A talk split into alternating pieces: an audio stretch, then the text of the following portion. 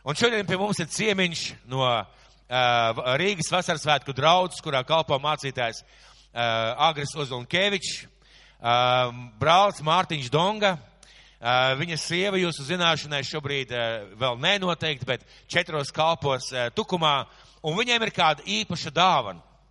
Ar ko ir svētīta Latvija, ar ko ir svētīts Latvijas draudzes, un ar ko arī šodien mēs būsim svētīti. Daudz jau varbūt zina šīs te uh, izglītība, viņi ir mācījušies Amerikā evanģelizācijas skolā, un šī te sirds aizsniegt cilvēks ar evaņģēliju, runāt uz cilvēkiem evaņģēliju, iet cilvēkiem runāt klāt uz ielas, un varbūt kādam tas liekas neiespējami, bet tas ir tas, kā Dievs mūs māca daudzkārt un dažādā veidā. Nav viena veida, nav viena šablona, bet daudzkārt un dažādā veidā. Un šis divkalpojums ir joprojām tajā pašā virzībā, tajā pašā domā un uh, Dieva gribā, ka mēs kā draudzi mainamies evanģelizācijas jomā. Ka mēs kā cilvēki, kā draudzes locekļi, kā apmeklētāji, kļūstam daudz atvērtāk runāt uz cilvēkiem, kas ir mums apkārt. Un uh, Dievs mums šajā gadā deva vārdu, ka jaunu vīnu, lai jaunos maisos. Un tur ir divas daļas. Jauns vīns ir apsolīts, jauns vīns ir dots, jauns vīns ir sagatavots. Bet, lai jauns vīns varētu tikt ieliets mūsos, mums ir jātop par jauniem maisiem. Mums ir jāmainās, mums ir jāizstiepjas kaut kādā veidā, mums ir jānoliek varbūt vecās lietas malā un jāpatās uz lietām jaunā veidā. Un es aicināšu brāli Mārtiņu šeit priekšā.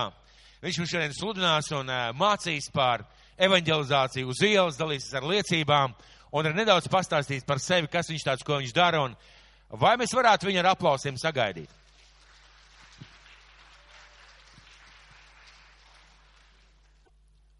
Labdien! Labdien visiem Āgenskalnā! Man prieks būt jūsu vidū. Un, jā, kā jau man stādīja priekšā, varbūt tās maz atkāpīt, ja tas būtu desmit gadu atpakaļ, 2009. gadā kāds man teica, ka es mācīšu par evanģelizāciju, tad es būtu domājis, ka viņš galīgi kļūdās. Un patiesībā sakot, es pat nevaru teikt, ka es saprotu sevi kā evaņģēlistu, bet Dievs ir žēlstības Dievs, un tieši tāpēc, kad es savā laikā viņu tik ļoti mīlēju un biju gatavs noliegt sevi un sekot viņam, viņš man aizved uz Ameriku, un jau 2010. gadā es biju Bībeles skolā Amerikā, kas bija pilnīgi pārdabisks Dieva darbs, kur Dievs pats mani aicināja, neviens mūs tur nesūtīja, un mēs ar sievu un dēlu tur nodzīvojām divus gadus, pabeidzām šo skolu, un uh, iemācījāmies pilnībā uzticēties Dievam visās lietās, jo tur nebija ne stipendijas, ne kopmītnes, uh, pašiem viss bija jāapmaksā, un tāpat laikā mēs nedrīkstējām strādāt, jo mums nebija tāda vīza. Un mēs iemācījāmies prasīt tikai Dievam un nekad neko cilvēkiem, un stāvēt ticībā uz viņu vārdu apsolījumu.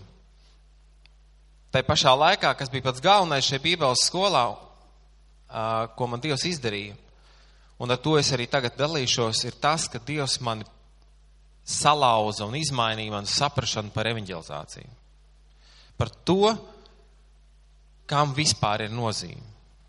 Es gribu, lai jūs pilnīgi godīgi uzdodiet sev jautājumu, kur es būšu pēc simts gadiem un kāda vispār būs tam nozīme, kas tagad notiek. Kur jūs būsiet pēc simts gadiem? Jūs esat par to domājuši? Jūs būsiet debesīs, vai visi ir pārliecināti? Un ja jūs esat pārliecināti, ka jūs būsiet debesīs, ko jūs varēsiet paņemt līdzi turieni? Jūs esat uzdevuši šo jautājumu sev. Pēc simts gadiem, kas, kas varētu būt tas, kas ar jums varētu tur būt kopā debesīs? Tie ir cilvēki. Tie ir cilvēki apkārt mums. Mēs visi ļoti labi zinām Jāņa 3.16. Droši vien, gan arī visi droši vien var nocitēt šo raksturiet, ja? Tātad, jo tik ļoti Dievs pasauli mīlēja, ka viņš deva savu vienpiedzimšo dēlu, lai viens, kas viņam tic, nepazust, bet dabūtu mūžīgo dzīvību. Interesanti, ka pirmā Jāņa 3.16 ļoti labi sasaucas kopā, bet runā jau par kaut ko nākošo.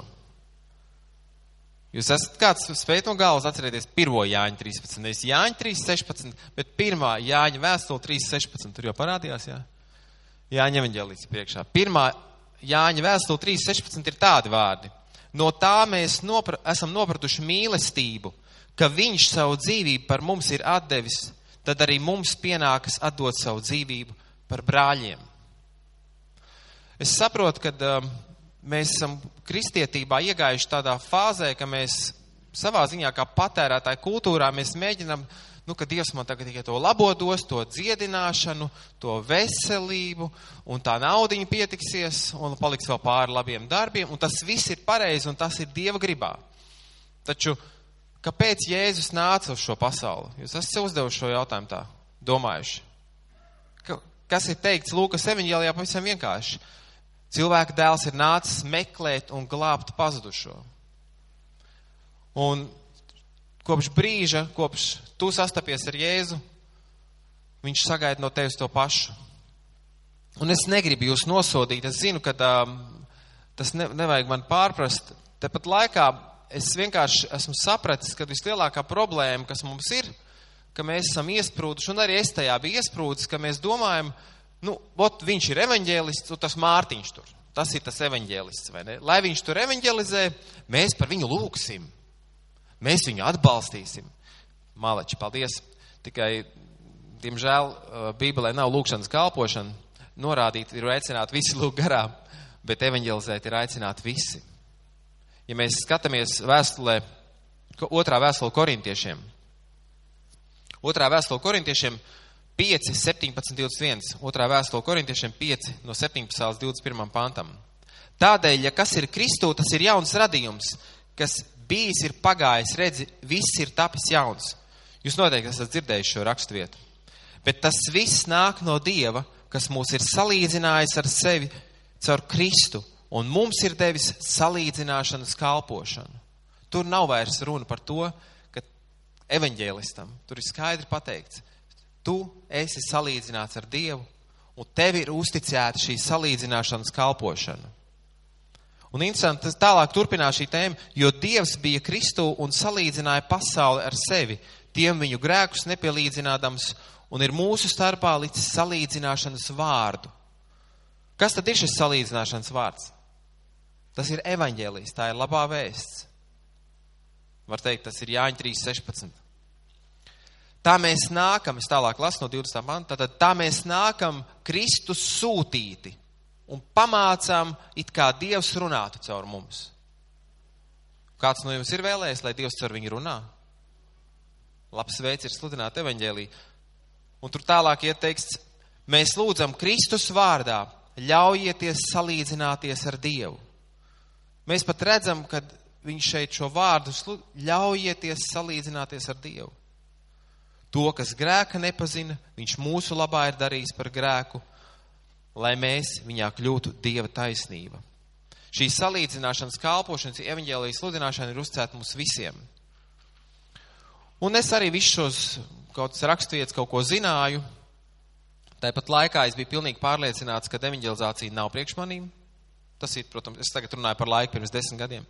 Es biju pilnīgi pārliecināts par to vēl joprojām, kad es jau pusgadu biju Bībeles skolā kad es nesaprotu, kāpēc Dievs man te ir atvedis, un iespējams, ka jūs šeit kāds uz manīm skaties un domājiet, nu, lai jau tas puika tur parunā, bet, nu, tas noteikti nav mans aicinājums. Es pats tā agrāk domāju. Uh, taču mēs nonākam pretrunā, un tas, kas ir svarīgi, ka mums ir nevis jāveido savs evaņģēlijs, nevis sava labā vēsts, bet Jēzus Kristus labā vēsts. Vai tā būtu laba vēsts, ja es pateiktu, ka es visiem izmaksāšu šodien pusdienas? O, piezvanīsim picē, lai visiem pēc dievkalpojuma ir, ir picu atvērt. Tā būtu laba vēsts, laba ziņa. Tā būtu ļoti pat, ja, laba ziņa, kāds teiks. Tāpat laikā, vai tā izmainīs mūžību pareizi? Mums visiem ir uzticēta šī labā vēsts. Un tas, kur mēs iesprūstam, ir tas, uz ko es arī iesprūdu. Mēs nezinām īsti, ko darīt. Mēs sastopamies ar kādu cilvēku uz ielas, mājās, darbā, un bieži vien mēs nezinām, kā viņam pastāstīt par Jēzu. Nu, nu mēs labākā gadījumā viņam iedosim kādu traktātu un malači, tas tā ir jādara, tas ir ļoti labi, Dievs daudz cilvēks tā ir aizskārs un izmainījis viņu dzīves. Mēs viņus uzaicinām uz draudzi, tad reizi gadā pie mums atbrauc Nātans Moris vai vēl kāds cits evaņģēlists, un mēs viņu aicinām uz to pasākumu. Taču tas nav vienīgais veids, kā Dievs vēlas, lai mēs aizsniedzam cilvēkus. Pats galvenais veids ir mūsu personīgā liecība. Un uh, manā dzīvē tas bija ļoti liels lauciens, kad Dievs man ielika šajā Bībeles skolā, kur mums bija katru nedēļu, vairākas reizes nedēļā jāiet uz ielām un jākalpo cilvēkiem. Un, uh, mums bija not, noteikums, ka mums, teiksim, tur nedēļas laikā simts cilvēkiem ir jāpasludina evaņģēlijas. Un uh, kāds teiks, nu, kāpēc tādi cipari? Nu, tad tiem, kas uztraucās, kad vajag dvēseles skaitītas, var pateikt, ka apustuļu darbos tajā dienā, kad vasarsāk dienā nāca uh, svētais gars, mēs esam vasarsāk draudzē, tur viņi saskaitīja, ka bija 3000 glābto. Ja? Kāds tur skaitīja. Un uh, tā kā mēs redzam, ka arī tur bija vērtība šiem cipariem. Un um, es gribu jūs um, vest tālāk par šo te apmācību, stāstīt par savu liecību. Uh, un es varu pateikt to, ka man personīgi bija ļoti daudz no kā jāmainās. Jūs mācītājs arī man teica pirms dievkalpojuma, kad jūs saprotiet, ka jums ir jāmainās, lai jūs ietu tālāk. Man personīgi pat gribās lietot šo vārdu, nācās piedauzīties, nomirt un daudz ko salauzt sevī. Un arī pat tagad uz ielas ejot, es zinu cilvēkus, man draugi ir, kas ir priešām īsti tādi iela evaņģēlis, viņiem no sērijas ēst nedod tikai parādu, kur ir cilvēki, viņi skries pa to ielu un viņiem būs rezultāti. Man tas tā nav. Un es tāpēc domāju arī, ka Dievs speciāli man tā ir izveidojis, ka man, lai es iet un sludinātu evaņģēliju, pašam ir jāpārkāp kaut kādām savām komforta zonām pāri. Un droši vien, ka tas ir par labu, tāpēc, ka es varu jums stāstīt un mācīt, jo es spēju saprast tos, kuri saka, es nespēju saprast, kā es varu uzrunāt svešu cilvēku vai kaut ko tādu izdarīt uz ielas, kā tas ir iespējams. Es biju Bībeles skolā pie mācītāja Rodnija Hovarda Brauna, un uh, mums ir vienreizēja iespēja 3. aprīlī, nesaskaņot reklāmu, jau, droši, 3. aprīlī viņš būs Rīgā, draudzē labā vēsts, un šis, viņš ir šīs Bībeles skolas kā, prezidents, kur, kurā es biju, un dibinātājs.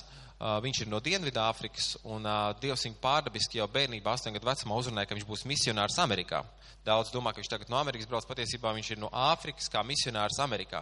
Viņa aicinājums ir Amerikas atmode, un viņš pie tā strādā ļoti mētiecīgi, un uh, Dievam paklausībā ejot, viņš um, ir daudz ko sasniedzis. Un viena no lietām, ko es šajā Bībeles skolā saskāros, bija tas, kad mums iedeva rokās šo vienkāršo lapiņu un pateica, ej uz ielas un lasi.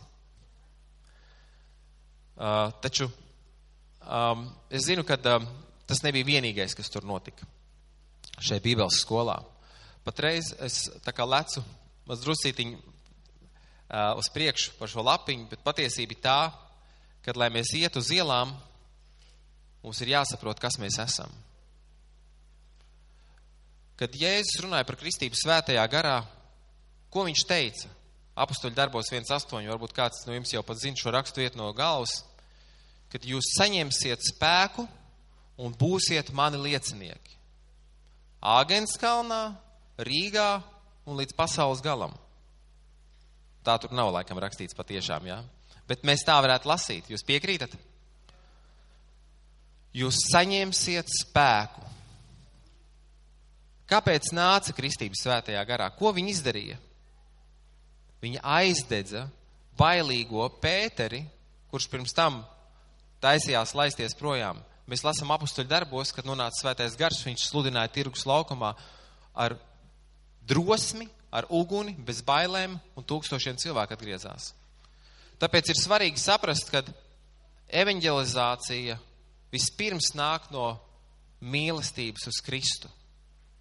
Un es esmu dzirdējis cilvēkus, kas ir ļoti vīlušies iela evanģelizācijā, tāpēc, ka viņi ir piegājuši kā kaut kādam judo, sambo, karatē, tūlīt cilvēks lido debesīs, urā, nu nav paņēmieni. Jo Bībele skaidri pasaka, ka Dieva mīlestība cilvēku ved pie atgriešanās no grēkiem. Un arī evaņģēlijas sludinot mums vispirms pašiem ir jā, jābūt pirmajā mīlestībā uz Dievu, jāapzinās, ka Viņš mūsos ir, ka Viņš mūs pavada, ka Viņš mūs lieto un kad ar šo mīlestību mēs kalpojam šiem cilvēkiem. Un, un nevis tāpēc, ka man tagad iedos lapiņu, un ka tas būs kāds paņēmiens. Kaut gan šī lapiņa pati par sevi arī ir uh, jau uh, pilna ar Dievu vārdu, un tā noteikti nesīs rezultātu pat tad, ja jūs vienkārši paklausībā viņu lasīsiet. Savā dzīvē, kalpojot tur Amerikā, ka mums gandrīz vai jāsaka, dzīvo uz ielām, nu kā, nu, ja esat Bībeles skolā, kas ir evaņģēlis Bībeles skola, tev ir nodarbība tāda, nodarbība tāda, nodarbība tāda, nodarbība iela evaņģelizācija. Jūs ejiet uz ielām šodien. Mums apmācīja, mūs aizlūdz par uguni, un mēs gājām uz ielām. Arī šodien beigās mēs noteikti lūksim par to, lai Dieva uguns aizdedz jūsu sirds dvēselēm. Tas, kas ir interesanti, kad viss sākās ar paklausību. Ar paklausību tam, ko Jēzus teicis ir. Jūs nevarat neko labāku izdomāt, kā vienkārši paklausīt Jēzum.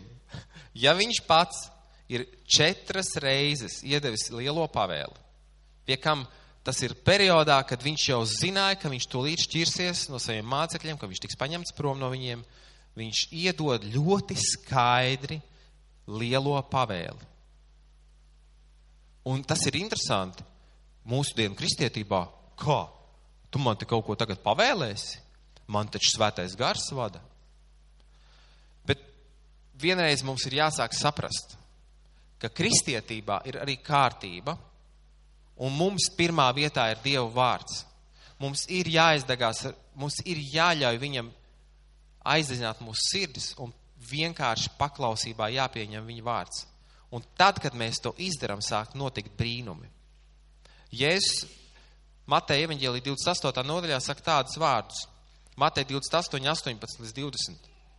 Man ir dota visa vara debesīs un virs zemes. Tāpēc ejiet un dariet par mācekļiem visas tautas, tās kristītam tēva, dēla un svētā gara vārdā, tās mācītam turēt visu, ko jums esmu pavēlējis, un redzi, es esmu pie jums ikdienas līdz pasaules galam. Es esmu ar jums ikdienas līdz pasaules galam. Kad viņš ir ar jums? Kad jūs sakļaujieties, ka jūs ejiet tur, kur viņš. Jēzus pat vienkārši pateica, kad, tā es neesmu to rakstīt izņēmis ārā, bet jāņem viņā skaidri viņš pasaka, ja jūs mīlit mani, jūs ko darat? Jūs klausat manas pavēles.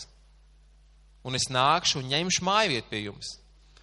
Tajā brīdī, kad mēs izvēlamies vienkārši paklausīt tam, ko Jēzus teica, mēs sākam piedzīvot šo evaņģēlijas spēku savās dzīvēs. Es personīgi, man tas bija ļoti liels, man ļoti grūti bija to izdarīt. Es ņēmu šo lapiņu, paklausībā, svešā zemē, svešā valodā gāju pie cilvēkiem un lauzītā angļu valodā mēģināju to lasīt, un man visādi gāja, un man ļoti daudz noraidīja. Tāpēc, kad mana angļu valoda bija tāda, kāda viņa bija, un arī droši vien mana deksme vēl nebija tajā līmenī. Es nebiju saņēmis šo izlaušanos, es nebiju sapratis, ka patiesība ir tā, ka tad, kad es atveru savu muti un runāju, es nerunāju, runā Dievs, jo es runāju viņa vārdu. Un viņa vārds ir tas, kas dara to brīnumu. Man vienkārši ir jābūt paklausīgam un jānotic viņa vārdam. Uh, kas ir ļoti interesanti, kad Bībelē mēs skaidri lasām, ka 2. korintiešiem 4.4 teikts, ka evaņģēlija gaišums, tas ir Dieva attēls. Romiešos 1.15 ir teikts, ka evaņģēlijs ir Dieva spēks. Jūs saprotat, ka mēs cilvēkam pasakam par Jēzu Kristu šo labo vēstu par viņu. Cilvēks sastopas ar Dieva attēlu, viņš sastopas ar pašu Jēzu. Jēzus pats par saviem vārdiem teica, ka mani vārdi ir gars un dzīvība. Brīdī, kad tu lasi to lapiņu, ir svarīgi saprast, ka tu atbrīvo Dieva garu, Dieva dzīvību, Dieva attēlu, Dieva spēku šī cilvēka dzīvē. Un svarīgi ir saprast, ka tad, kad tu uzrunā cilvēku, tu viņu neuzrunā tāpēc, ka tev mācītājs izsūtīja uz ielas, jo tāds lūk ir draudzes mērķis, bet tāpēc, ka tu mīli Jēzu un tu vēlies pēc simts gadiem redzēt šo cilvēku kopā ar tevi debesīs. Ļoti interesanti ir tas, ka kristiešiem mums piemīt tāda lieta, ka dažreiz mēs savā dedzībā sākam, es mēdzu lietot šo terminu, daudzīt ar bībeli pa galvu cilvēkiem. Respektīvi, mēs domājam, ka rekur ir cilvēks, lot es viņam tūlīt sludināšu. Un mēs, ja tā var pat teikt, aizverās mums durvis šim cilvēkam, viņš mūs noraida. Un mēs nezinām, ko darīt. Ļoti svarīgi ir redzēt, ko Bībele par to saka un darboties paklausībā tam, kā Dievs mūs vada. Un tas, ko es teicu jau pirmkārt, ka pamatā ir mīlestība. Mēs sludinam tāpēc, ka mēs mīlam. Un mēs paklausam lielajai pavēlei, tāpēc, ka mēs mīlam Jēzu un mēs mīlam šos cilvēkus. Un šī mīlestība mūs ved liecināšanā, un arī šī mīlestība ir tā, kas izmaina šos cilvēku dzīves un ved viņus uz atgriešanos. Ļoti svarīgi ir arī tas, kad, ko mēs runājam uz ielām. Es personīgi esmu daudz gājis uz ielām un stāstījis, pirms tam, pirms es vēl biju evaņģēlists, izgājis apmācību, es biju mēģinājis saprast, kā varētu cilvēks uzrunāt, un es redzēju to, ka man nav pārāk lieli rezultāti. Es mēģināju liecināt, es izstāstu kādu brīnumu, ko Dievs man ir izdarījis, un viņi saka, ā, man ar tā bija kurš tā ir piedzīvojis. Ja? Un tad mēs sākam mēģināt vēl kaut ko, kaut ko stāstīt, un mēs nevaram izdarīt, nu, kā lai šo cilvēku dabūtu pie tās patiesības. Taču tad, kad es nonācu Bībeles skolā, man viss kļuva skaidrs. Ja mēs gribam uzvārīt labu zupu un iepriecināt ciemiņus, tad mēs paņemam recepts.lv vai vecmāmiņas recepti kādu, jā. Mēs rūpīgi to ievērojam un mēs sasniegsim rezultātu. Pareizi.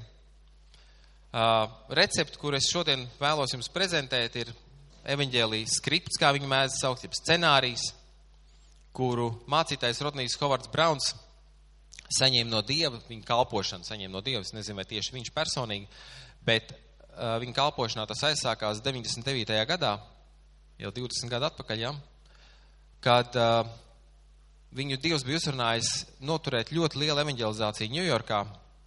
Divus gadus pirms Ņujorkā uh, notika traģēdija ar dviņiem, kuros ieskrēja lidmašīnas, jūs ziniet to droši vien.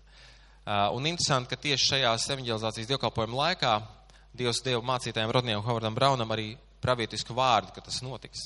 Viņš teica, ko Amerika darīs, ja divi lidojoši objekti, ja lidojošs objekts ietieksies augstceltnē. Uh, interesanti ir tas, ka, lai šī evanģelizācija būtu izdevusies, viņiem vajadzēja kādu veidu, kā uzrunāt cilvēkus. Un viņi bija gatavojušies, nu, gan arī jāsaka, līdzīgi kā es, ot šitā čup ar papīriem, un tagad mēs iesim uz ielas un mēģināsim tos cilvēkus pārliecināt. Un viņi izgāja pirmā dienā, viņi saprata, ka tas nestrādā, un viņi lūdz Dievam, ko mums darīt. Mums vajag kaut kādu efektīvu metodu, kā aizsniegt cilvēkus. Kā panākt, lai cilvēkiem īsā laikā izdotos pateikt to, kas ir pats galvenais, dot iespēju izvēlēties, pieņemt šo vissvarīgāko dzīves lēmumu un iepazīt Jēzu, būt, kļūt jaunpiedzimušiem. Un tā viņi lūkšanā radīja šo te skriptu vai scenāriju, ko sauc par, jā, nu, viņš man šeit ir latviešu un krievu valodā, un es to gribētu teikt par, es to saukt par vislabāko recepti evaņģēlijas sludināšanai, ko es esmu iepazīts. Tāpat, tāpat laikā man ir jāatzīst, kā, kā jau mācītājs sākumā teica, ir dažādi veidi. Un es esmu par to, lai būtu dažādi veidi, Es esmu par to, kad nevis mēs sakam, ka šitas nekam nedara, bet ka mēs atrodam savēju un lietojam. Lai mēs katrs atrodam veidu. Es jums varu pastāstīt par šo veidu. Un es zinu, ka ļoti, ļoti daudz cilvēki ir aizskarti un saņēmuši jaunpiedzīvšanu tieši pateicoties šim te mazajam papīrītim, šim mazajam scenārijam. Savā laikā es esmu piedzīvojis ar šo te papīrīt, lasot to, kā tepat Rīgā kāds krievu vīrs, patiesībā viņš teicās, ka nākot no dievkalpojuma, mēs bijām iela evanģelizācijām, vakarā viņa autobusu pieturā uzrunājot ar vienkāršiem vārdiem. Lasīšu latviski. Vēlos tev uzdot divus ļoti svarīgus jautājumus, vai zini, vai, vai kāds tev ir teicis, ka Dievs tev mīl un ka viņam labs plāns tavai dzīvei, un ja tavu dzīvi pēkšņi pārtraukt, vai es pārliecinās bez šaubām, ka nonāks debesīs. Es viņam nolasīju šos jautājumus krievu valodā, un viņš uzreiz sagrāba to papīrīt no manīm un turpināja lasīt pats, jo viņš droši vien saprata, ka viņš krieviski labāk ātrāk lasīs. un viņa asaras, viņa, viņa, viņa, pār viņa vaigiem sāk ritēt asars. Tas ir vienkārši. Vajag tikai paklausīt. Man tas personīgi vienmēr ir bijis pārkāpšana pāri kaut kādai savai komforta zonai. Bet tad, kad es redzu to augli, kad es sastopos ar cilvēkiem, kur dzīves tiek aizskartas, ka viņi raud, kad uh, cilvēks lūkšanas laikā pēkšņi sāk runāt mēlēs un nesaprot, kas ar viņu notiek, kad Dievs piepilda cilvēkus ar viņu klātbūtni, ka viņi sāk trīcēt un viņi saka, kas tas ir? Kas tas ir? Esmu piedzīvojis to, ka vienkārši ejot caur šo skriptu slimnīcā pie sievietes gultas, kur ir ar smadzeņu vēzi, kur neko nesaprot. Viņai ir tā, ka tu viņai pasaki, viņas, pasaka labdien, viņa tev atbildēs labdien, bet viņa uzreiz aizmirst. Viņa nevienu nepazīst, un, bet viņa kaut, kaut ko tā kā runā, bet viņa ne, pilnīgi kādas loģikas nav. Un es aizēju pie viņas ar šo te pašu lapiņu, un es vienkārši, nu, galvas toreiz bez lapiņas, bet tik un tā jau to tekstu ejot cauri, es saprotu, ka es viņas vietā, es saku, un tagad es tavā vietā teikšu grēcinieku lūkšanu. Un tajā vietā, kad es pasaku Jēzu, tur tekstā rakstīts, Jēzu ienāca manā sirdī. Viņa uzreiz sāk, loģi, viņa pasaka, kas tas ir? Kas tagad te ienāca? Tas bija viss, un kas viņa pazina, tie brīnījās. Viņa teica, kā viņi saprata, kas tagad notika. Interesanti, ka dažas dienas vēlāk viņa nomira, un tas bija tieši uz Ziemassvētkiem. Un svētais gars man ielika tādu prieku, kad viņa aizgāja svinēt ar Jēzu kopā Ziemassvētkus. Viņa tika atbrīvot no savām nastām. Bet pēdējā brīdī, visu dzīvi, starp citu, viņas bija sieviete, kur diez vai būtu man uzklausījusi. Mēs nevaram zināt. Tāpat laikā mums ir jābūt atvērtiem. Kāpēc mēs sludinam evaņģēlīju? Tāpēc, ka mēs mīlam Jēzu. Jo tik ļoti Dievs mūs ir mīlējis. Viņš nomira par tevi. Un viņš sagaida, ka mēs darīsim to pašu. Ļoti praktiski vēlos parunāt par ielu evanģelizāciju. Ir ļoti svarīgi saprast kādas lietas. Ielu evanģelizācijas paņēmienus jūs nedrīkstat izmantot ar kolēģiem vai mājiniekiem, vismaz tādā tiešā veidā. Iela evanģelizācijā jums ir tikšanās ar cilvēku, iespējams, jūs viņu dzīvē vairs nekad neredzēsiet, labāk, nē, iespējams, viņu satiksiet vēl debesīs. Uz zemes vairs nē. Jūs saprotiet? Bet tā varbūt ir vissvarīgākā tikšanās. Un tā arī jums, es gribu aicināt, noticiet tam, ka tā ir šī cilvēkam vissvarīgākā tikšanās ar jums.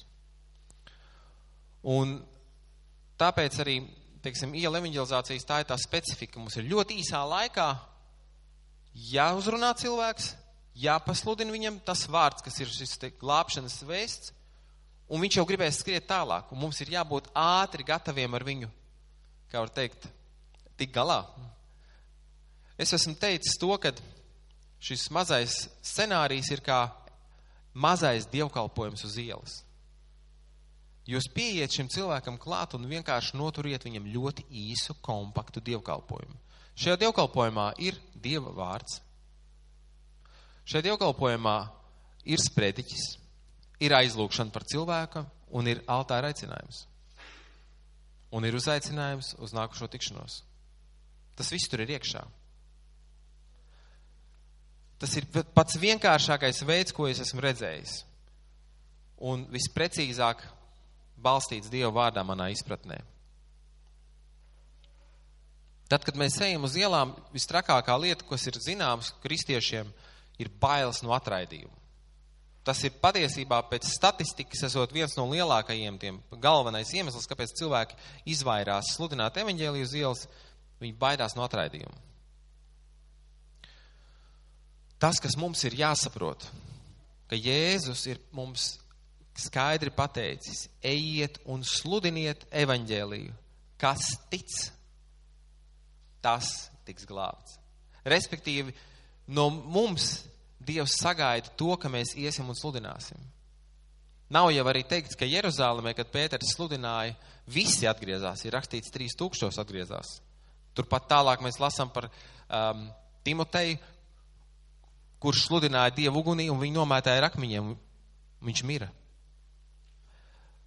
Mēs redzam to, ka Bībelē, ja mēs skatāmies, kad viņi liecināja par Jēzu, notika zīmes un brīnumi, cilvēki sāk ticēt, bet vienmēr bija tādi, kas novērsās, kas nocietināja savus sirdus. Ar to ir jābūt gataviem. Taču pats galvenais ir jāsaprot, ka evaņģēlīs tas ir ļoti, tā ir, tā ir tev uzticēta vēsts. Un ja cilvēks noraida evaņģēlī, viņš nenoraida tevi.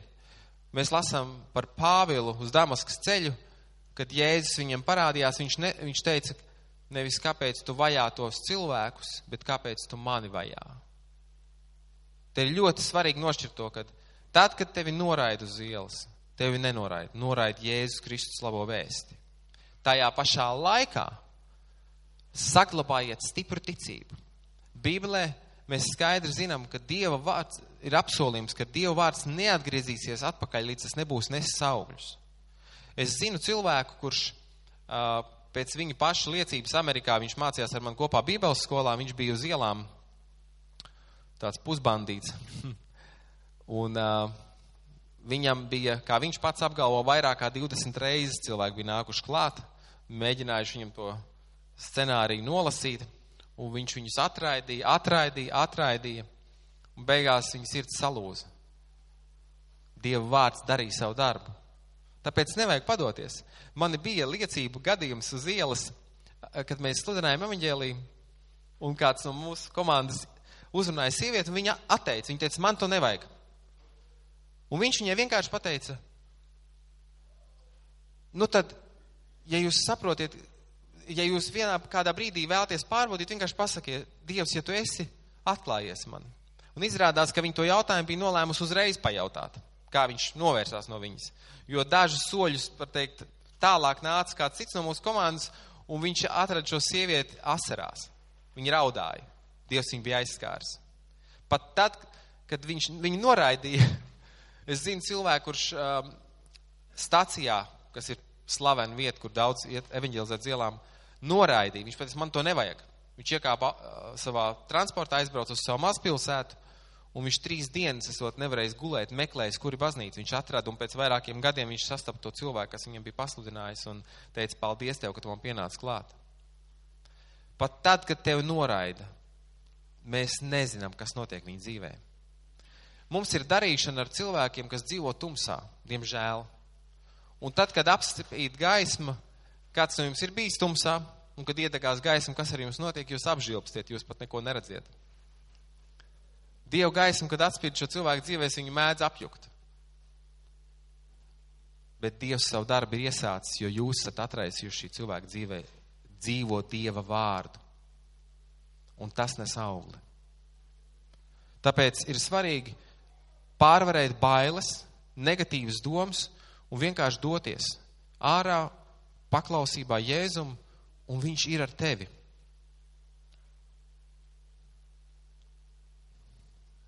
Tas, kas ir vēl interesanti, kad Bībele bailes sauc par garu. 2. Timotei 1.7 ir tādas rakstvieta. 2. Timotei 1.7. Jo Dievs mums nav devis bailības garu, bet spēka mīlestības un savaldības garu.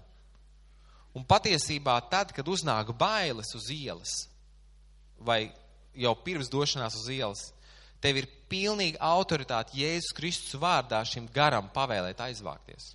Es pats esmu evanģelizācijas apmācībā redzējis, kā cilvēki pēc vienkāršas īsas lūkšanas, kad viņi pasaka, Jēzus vārdā es pavēlu tev baiļu gars atstāj man. Un es pateicos Dievs, ka tu man esi devis drosmu, spēka, mīlestības un savaldības garu, un es tagad tavā garā iešu un sludināšu, tas bailes atkāpjās. Viņi paliek drosmīgi, viņi iet un sludina.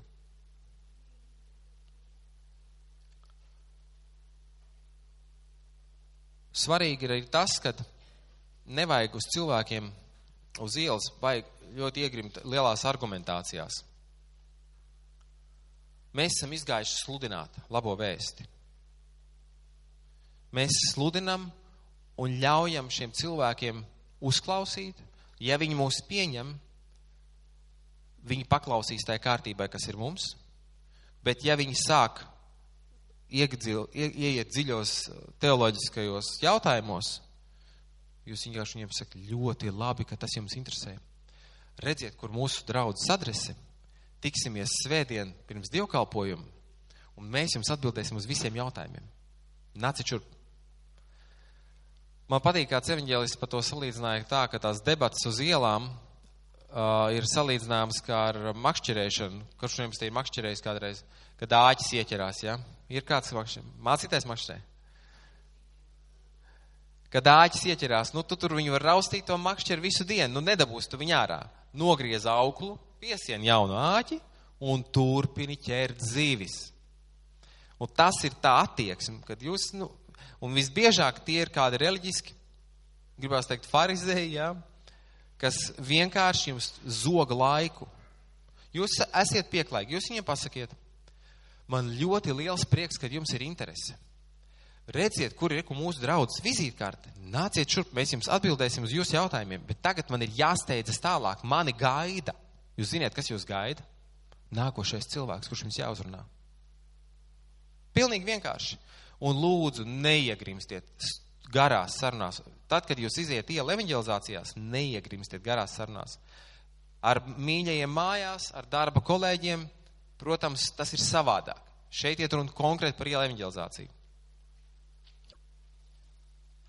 Interesanti ir tas, ka Dieva vārds runā uz cilvēku garu. Es jau minēju par to, ka cilvēki mēdz dažreiz tā reaģēt nepārāk adekvāti kaut kā uz mūsu uzrunu. Vajag būt neatlaidīgam un Kristus mīlestībā vienkārši turpināt runāt, jo redziet, kas ir teikts ebrejiem 4.12. Jo Dieva vārds ir dzīves un spēcīgs un asāks par katru abās pusēs griezīgu zobenu un spiežas dziļi iekšā, kamēr pāršķir dvēseli, garu, locekļus smadzenes un ir doma un sirdsprāta tiesnesis. Kad jūs uz ielas runājat, jums ir jāapzinās, ka notiek kaut kas pārdabisks. Jūs atraisiet dzīvo Dievu vārdu. Un šis cilvēks, viņš vairs vienalga, kā viņš uz jums reaģē, viņš lielāks ir tas, kas ir jūsos, nekā tas, kas ir viņā. Jūs saprotiet? Un vienalga, kā viņš reaģē, palieciet mīlestībā, palieciet garā un ļaujiet Dievu vārdam aizskat šo cilvēku. Vienkārši un nesarežģiet. Un atcerieties, ka tas, ko jūs ticēsiet, tas jums notiks. Jūs to ziniet. Romiešos ir skaidri pateikts, no kā jūs dzīvojat, no ticības. Taisnais no ticības dzīvo. Amen. Un uz ko balstās jūsu ticība? Uz Dievu Dievu vārdu. Pareizi. Un ja Dievs ir pateicis, ka tad, kad tu sludinās evaņģēlī, viņš tevi pavadīs ar līdzējošām zīmēm, tad ko tu sagaidi, kad tu sludini evaņģēlī? Oh, viņš man atkal noraidīs. Vai mēs tomēr sagaidīsim, kad šis cilvēks piedzīvos dzīvo Dievu? Tas ir ļoti svarīgi, ka tu izēj uz ielas, ko tu sagaidi. Un tam ir jātiek pāri, tam bailēm ir jātiek pāri. Ir jāsagaida, ka cilvēks, kurš tevī klausīsies, ka viņš reāli gribēs to vēst pieņemt. Un ja viņš tevi noraida, tad pateicies Dievam, ka tu varēji viņa sirdī iesēt dzīvo Dievu vārdu, ka tas neatgriezīsies, tas, pirms tas nebūs nesis augļus. Un varbūt pēdējā elpas vilcienā Dievs dos žēlastību. Varbūt pat kāds ir jums, no jums ir redzējis filmu uz viļņa. Un, uh, viņu laikam saucas par austrāliešu puisi, kurš, kur māte ved bībeles skolā un centās viņu pievest pie Dieva, bet viņš pateica, man to visu nevajag. Iesēdās mašīnā un aizbrauc izklaidēties, dzīvot pa pasauli. Un viņi sakot medūzes, viņš mira nost. Un jau ambulancē, guļot tajā, tajā ātrajā palīdzības mašīnā, mirstot praktiski jau, viņš atcerējās mātes vārdus, ka māte teica, ka tev būs problēmas piesauc Dievu, un viņš tev palīdzēs. Un viņš tā guļ, jau pusparalizēts, mirstošs, un viņš saka, es nezinu, kā tev piesaukt. Tā ir liecība, patiesa liecība. Un tajā brīdī svētais gars viņam varēja atgādināt to, ko viņš bērnībā bija dzirdējis. Tāpat arī tu vari kādam atraisīt šo dzīvo Dievu vārdu. Viņa gadījumā tā bija tēvreize. Un viņš viņu esot ieraudzījis priekšā kā tādu uzrakstu. Un viņu vienkārši nolasījis to, ko viņš tur redzēja, un nomira. Nākošais epizode bija, viņš pamodās morgā, iznāca ārā un viss slimnīca bija šokā, viss bija pārbaidījušies, viņš bija piecēlies no mirušiem. Tāds ir Dieva spēks tik tālu viņš sniedzās. Tu nevari zināt. Tu vari iziet uz ielas un tev liksies, nu ko tad viņš man atraidīja. Bet ja tu vienkārši būsi paklausījis un atraisījis dzīvo Dievu vārdu tā cilvēka dzīvē, tikai Dievs zina, kā viņš to izvērsīs par labu. Vienkārši tam ir jānotic. Pietiek šaubīties. Tie, kas šaubās no Dieva, neko nevar dabūt. Amen. Interesanti arī tālāk lasam, piemēram, Bībelē ir teikts, ka Dievs pats seko, lai viņa vārds piepildītos. Jeremijas 1.12. Jeremijas 1.12 ir teikts, tad tas kungs sacīja uz mani, tu redzēji pareizi, es esmu nomodā par savu vārdu, lai tas piepildītos. Dieva vārds piepildīsies. Tāpēc ir svarīgi vienkārši viņu atbrīvot. Kad bija Bībeles skolā, mums bija kāds vīrs, kurš kalpoja Kanādā augšā, tur, tā kā mums, jau pusē te bija čukčas, es aizmirsu, kā sauc to tautu, kas tur augšā, bet, uh, bet pašos ziemeļos, kur ziemeļbrieži un praktiski tur nekas neaug, bet cilvēki tur atrod veidu, kā izdzīvot. Un šajā ciltī bija viņiem, uh, ja tā var teikt, šamanis, vai tas garīgais līderis. Kristietība vēl to nebija sasnieguši šo ciltu, un viņiem bija kādi savi veidi, kā viņi savus dievus pielūdza. Un šis cilvēks bija sapratis, ka ir jābūt vienam dievam. Viņš tikai nezina, kā viņu sauc. Un viņš bija visiem pateicis, ka viņi tikai vienu dievu pielūgs, un kādu dienu viņi uzzinās, kā to dievu, dievu sauc. Un uh, tas misionārs, kas mums šo liecību stāstīja, viņi bija braukuši ilgāku laiku ar bruņmašīnu, uh, to ne bruņmašīnu, bet visur gājēju. Uh, Uh, kamēr viņi nokļūtu, tur tas bija ļoti grūts darbs, kamēr viņš tur nokļuva. Un rezultātā, kad viņš ieradās tur, šie cilvēki vietējie, tas iznāca pretīm, šis garīgais līderis viņu, un viņš teica, es tevi jau ilgi gaidīju. Ko viņi gaidīja? Viņi dzīvo Dieva vārdu, viņi gaidīja evaņģēliju. Redziet, cilvēks varbūt pat, tu, mēs nevaram iedomāties, cilvēki uz ielas patiesībā viņi ir izslāpuši. Viņi nezin, kur viņi būs pēc simts gadiem. Viņi grib būt droši, kad viņi pārstās elpot, ka viņi būs mierā ar Dievu. Un tev ir uzticēta salīdzināšanas kalpošana. Tev ir iedot šī vēsts. Un ja tu neko citu nevar izdomāt, tad saki Jāņa 3.16. Jo tik ļoti Dievs tevi mīl, ka viņš ir devis savu dēlu. Uzticies viņam. lai arī cik tas nebūtu interesanti, nu tā izaicinoši gribās teikt, Bībele mums pat saka, spied viņus paklausīt. Lai arī cik tas jocīgi neliktos. Es pats esmu piedzīvojis to, kad um, es esmu sludinājis uh, un cilvēks no sākuma noraida, bet ja es saglabājot mīlestību, turpinu runāt, viņš atverās viņš pieņem evaņģēlīju vēstu un patiesībā beigās ir pateicīgs. Taču es atzīšu, ka man tas no sākuma nepadevās. Jebkurā lietā jums mācītais ir galvenieks, un es zinu, ka ja man prasītu kaut ko nozāģēt, es garantēju, es nozāģētu šķībi. Es vienkārši zinu, tāpēc, ka man roka, kā saka, nav piešauta, ja? kā mēs sakam. Katrā lietā ir vajadzīga praksa, jūs piekritīsiet man.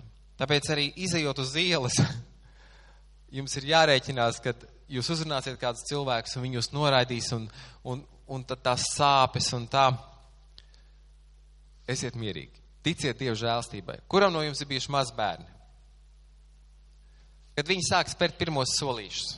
Jūs mēs paši kaut kad esat kādreiz spēruši pirmo solīšu, kad bijāt pavisam mazi, jūs tik to neatceraties. Vai jūsu vecāki bija dusmīgi? Vai vecāki ir dusmīgi, ka bērns sāk spērt pirmos soļus? Nē, Viņi ir priecīgi, pareizi. Tāpat Dievs, tad, kad tu izēji uz ielas, tad iedomājies nevis, ka tagad, oh, bet iedomājies sevi, kad ar tevi ir Dievs. Ieraugt, tā, tā ir patiesība. Viņš pateicis ir pats, ka es esmu ar tevi. Tā ir taisnība. Tātad es, Dievs, tu tagad esi ar mani. Tagad es tulītās atraisīšu tavu vārdu, un tu man palīdzēsi. Man ir bijuši gadījumi, kad cilvēkiem, kas iziet zils pirmo reizi, kad Dievs ir tāda žēlstība, ka viņš pilnīgi tā kā arestē to otru, nu, kas klausās, jā. Tāpēc, kad uh, viņš ir gatavojis to situāciju, Dievs taču visu kontrolē, viņš ir gatavojis to situāciju, viņš to cilvēku ir gatavojis te evaņģēlīja vēstures pasludināšanai.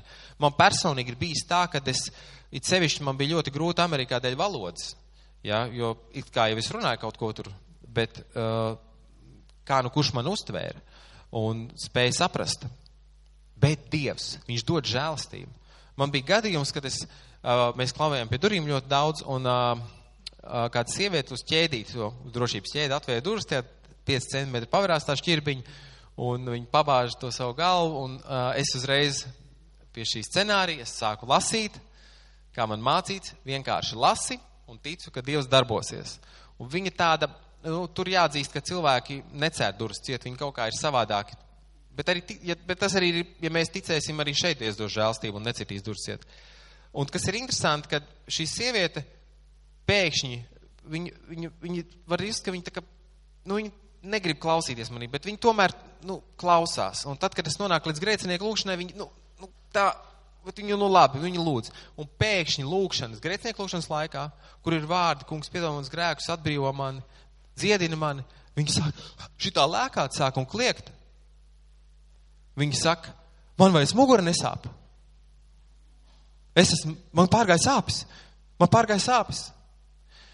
Un es jutos tik vājš tur pie tām durvīm. Es vienkārši bukšķierēju. Tas nav par mani, tas nav par tevi. Tas ir par Dieva spēku, kur tu atraisi. Un te ir vienkārši paklausība. Jēzus teica, kas klaus mans pavēles, tas mani mīl, un pie tā es nākšu un ņemšu māju vietu. Mēs visi gribam, lai Jēzus nāk pie mums. Patiesībā viņš jau ir atnācis. Un es negribu jūs nosodīt, ka jūs neesat varbūt tās darījuši, un es pats arī, ne, tas nav par to, tas ir par to, ka es personīgi sapratu, ka kaut kādā veidā mēs esam pazaudējuši kādu ļoti vienkāršu patiesību, ka evaņģēlijas sludināšana ir ļoti, ļoti vienkārša. Tas ir ļoti vienkārši. Tur nav nekā sarežģīta.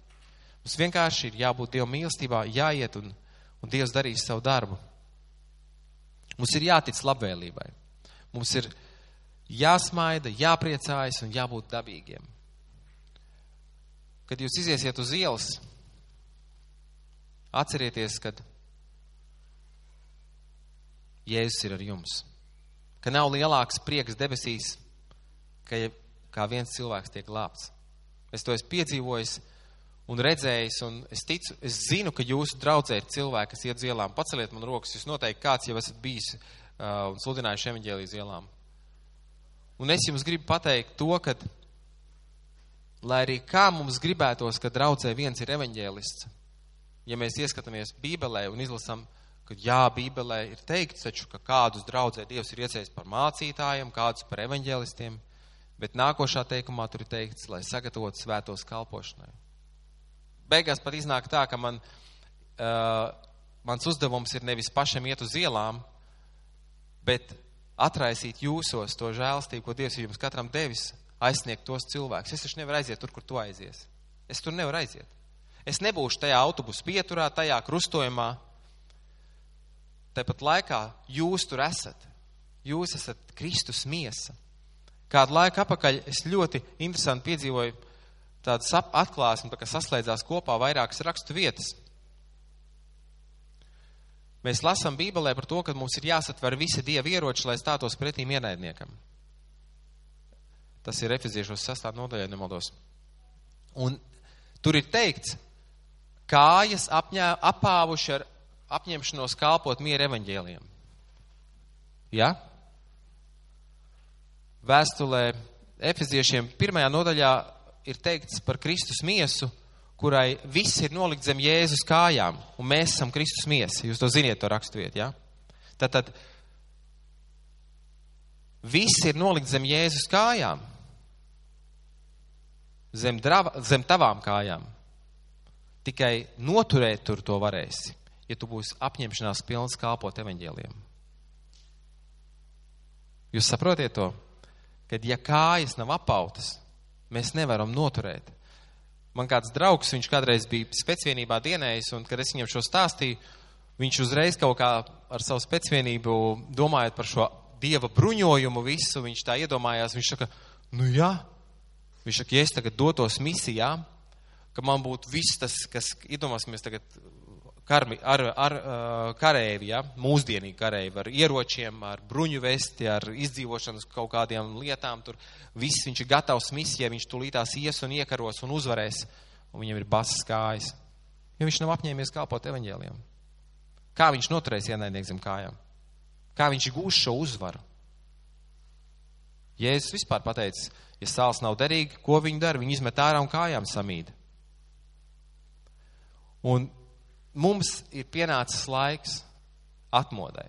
Dievs grib mūs, un tas ir ļoti zīmīgi, ko Dievs tagad dara jūsu draudzē, ka mācītājs saka, ka jūs nevarat, ieliet, ka Dievs nevarēs ieliet jauno vīnu vecos traukos. Mums visiem ir jāmainās. Jūs piekrītiet? Dievs jums atprasīs, ko tu darīji ar šo talantu, ko es tev uzticēju. Mēs daudz zinām šo rakstu uh, līdzības, tur viņas pat ir vairākas. Kāpēc?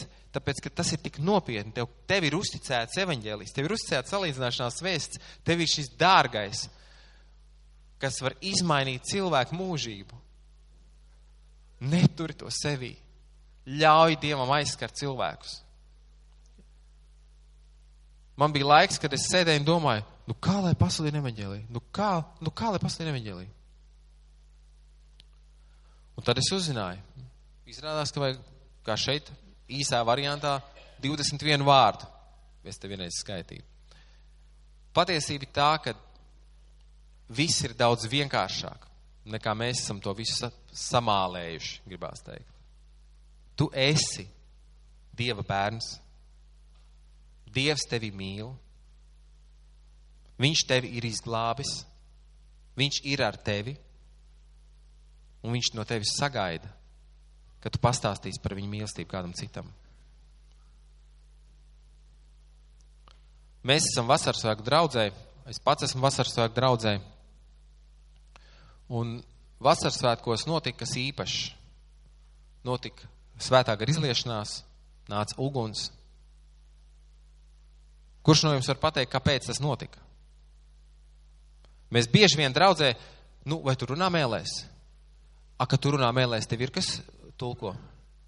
Bet, ja netulko, tad nevar runāt. Un tā mēs iepirkstam, un mēs aizmirstam vispār, priekš kam tad svētais gars nāca, priekš kam tad nāca kristības svētajā garā. A, par ko tur rakstīts apustuļu darbos? Kas notika, ka viņi saņēma kristības svētajā garā? Kur viņi bija? Viņi sēdēja baznīcā un gaidīja, ka kāds iztulkos mēls. Ne! Viņi bija tirgus laukumā.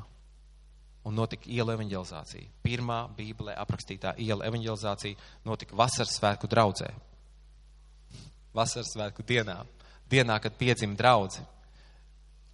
Patiesā Kristus draudze deg ar svēto garu, ar uguni un iet uz ielām un aizsniedz pazudušos ar Dieva drosmi, ar Dieva mīlestību. Un es gribu jo, kopā ar jums lūgt par to, lai Dievs aizdedz jūsu sirdis patiesai mīlestībai uz viņu un patiesai mīlestībai uz pazudušām dvēselēm. Jo pēc simts gadiem vienīgais, kam būs nozīme, būs vai tu pats būsi debesīs un ko tu būsi paņēmis līdzi.